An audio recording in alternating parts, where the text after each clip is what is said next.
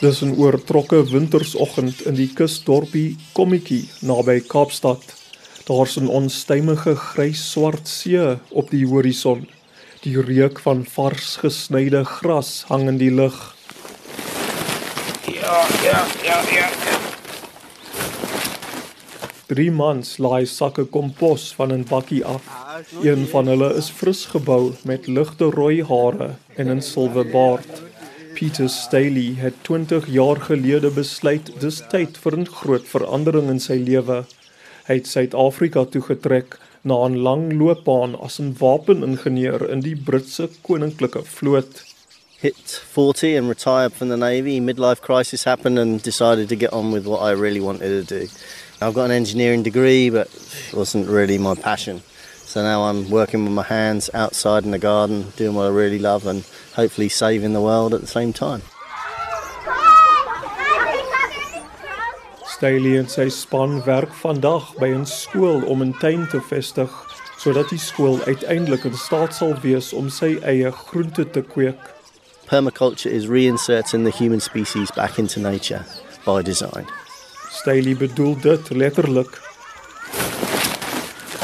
Die sakke wat hy en sy helpers aflaai, bevat nie normale kompos nie. Nee wat? Die kompos wat hulle op die skool se groentetuin gaan gebruik, is uit menslike uitskeiding gemaak. Dis in Engelse omgewingskringe bekend as humanure. Human feces and human urine are perfectly good organic material. They just need to be composted properly. There's you know lots of people are fecophobic, but there's no real reason to be. If it's composted properly, it's fine. If you're eating a really rich mineral diet, then you're feeding your plants with a really rich mineral diet. And this is where we're talking about the circle now. As you eat it, you put it on your garden, you eat it again. We are what we eat. As deel van sy pogings om die aarde 'n beter plek te maak, is Staley op 'n unieke missie om soveel as moontlik van Kaapstad se middelklas huishoudings te ooreed om van hulle tradisionele spoeltoilette ontslae te raak. The average toilet uses between, depending on the age of the toilet, it's 9 litres to 22 litres of water for every flush. So old fashioned toilets clearly waste uh, a massive amount of potable water, drinking water. Sy weergawe van waterlose toilet bestaan uit nie veel meer nie as 'n paar houtpanele en 'n plastiek sitplek bo-op. You've got a box with a hole in the top, you put a bucket under. Obviously, there's a lid to close it down, stop flies getting in there. You do your business, you cover it with sawdust. Once the bin's full, you take it out and put it into a compost heap. Die menslike ontlasting word met ander organiese materiaal soos droë grasknipsels bedek. Die komposhoop word omring deur houtstapelborde wat met strooi geïnsuleer is, meestal om urine op te neem maar ook om hitte te genereer wat kieme kan doodmaak om gesondheidsgevare te verhoed. Staley se raad aan mense wat waterlose toilette gebruik is om vir 'n jaar te wag voordat hulle die kompos begin gebruik. If you're really fecophobic and really scared of your own poo, then leave it 2 years. You know, there's nothing going to be dangerous in there after that amount of time. Staley bied kursusse aan om mense te leer hoe om hulle eie waterlose toilette op te stel en hoe om kompos veilig te produseer. Hy sê die Wes-Kaapse droogte en gepaardgaande streng waterbeperkings is daarvoor verantwoordelik dat baie Kaapenaars probeer om water te bespaar soos nooit tevore nie. As sulks kan hy nie bybly met die aanvraag na sy kennis nie. old people, young people. The youngest person I've had on my courses is probably 11. I've had an 80 year old. It's a full range, rich and poor. It's as they're waking up to the fact that we need to save the planet. Staley sê dis moontlik vir die meeste mense wat in moderne huise in woonbuurte bly om die skuif te maak na waterlose toilette.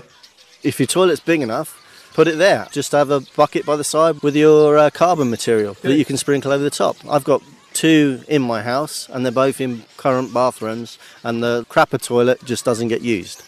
Maar Kaapstad se owerhede is nie so entoesiasties oor sy idees nie. Staley glimlag en sê hy verstaan hulle standpunt want as daar duisende mense in hoë densiteit gebiede begin om kompos te probeer maak uit menslike ontlasting, sal dit 'n gesondheidskatastrofe veroorsaak. Maar hy sê mense met die kennis en die ruimte moet presies dit begin doen so gou as moontlik. Staley sê daar's genoeg humanure om al die klein plase wat die wêreld nodig het om kos vir almal te produseer te bevrug. 7.5 billion people make an awful big pile of compost. And that can all be turned straight back into our, our fields, if composted properly, to give us our resource. Dit sê hy sal grootskaalse kommersiële boerderymetodes wat volgens hom verantwoordelik is vir gronderosie verander. Soil erosion is the biggest, most serious issue facing humanity. In the next 50 years, we need to produce the same amount of food that we produced in the last 450 years, and we've got 50% less topsoil to do it on. These are scary stats. These are stats that should make your knees tremble, and it's not even being talked about. Staley se statistieke word ondersteun deur verskeie internasionale landbounavorsingsgroepe soos Brittanje se Sustainable Food Trust.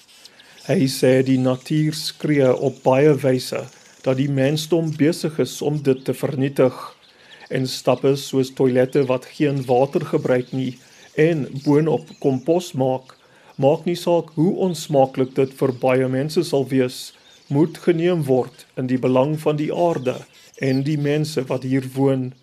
Ek is Darren Taylor in Kaapstad